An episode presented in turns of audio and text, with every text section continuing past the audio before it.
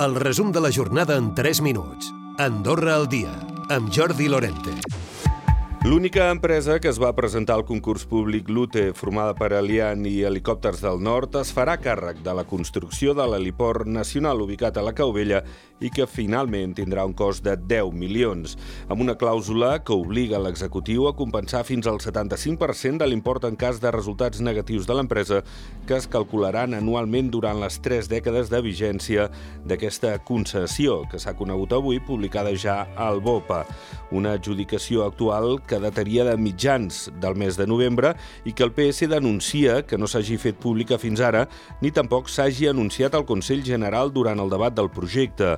Pere López és el president del Partit Socialdemòcrata. Una gravetat molt, molt i molt, molt gran. Estem parlant de mentides, d'engany i d'ocultació d'informació i d'un mm, debat parlamentari que es va produir amb gent que sabia que s'havia adjudicat i ningú allà va dir res. El que no sé és per què no surt el dia que s'adjudica. El que no sé és perquè el dia que el govern pren l'acord, en la roda de premsa del dimecres a la tarda, no s'explica i el següent dimecres surt el BOPA, que és el procediment normal. El que no sé és perquè això ha estat dos mesos amagat.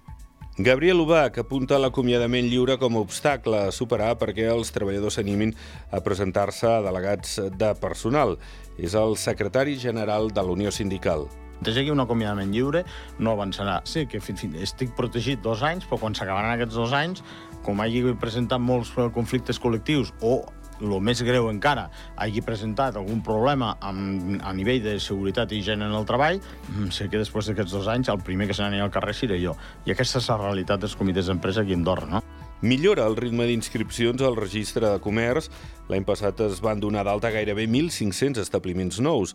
Destaca sobretot el nombre d'establiments relacionats amb el comerç, les activitats professionals, científiques i tècniques, l'hostaleria i la informació i les comunicacions.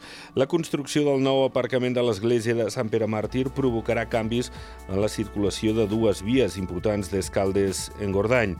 Només hi haurà un carril hàbil perquè l'altre estarà habilitat com a aparcament per a comerços i veïns. En parlava el director de mobilitat del Comú Escaldenc, Carles Bozzo. La rotatiu aquest estacionament.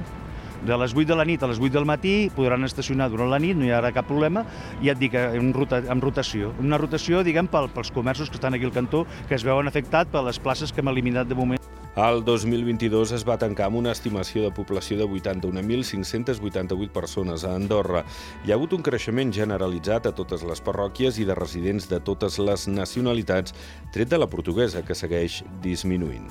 La neu serà la protagonista de la quarta edició de l'Alpha Space. El Parc del Prat del Roure es transformarà en un snow park per acollir tot un dia d'activitats urbanes enfocades als joves. Serà el pròxim dissabte, 18 de febrer.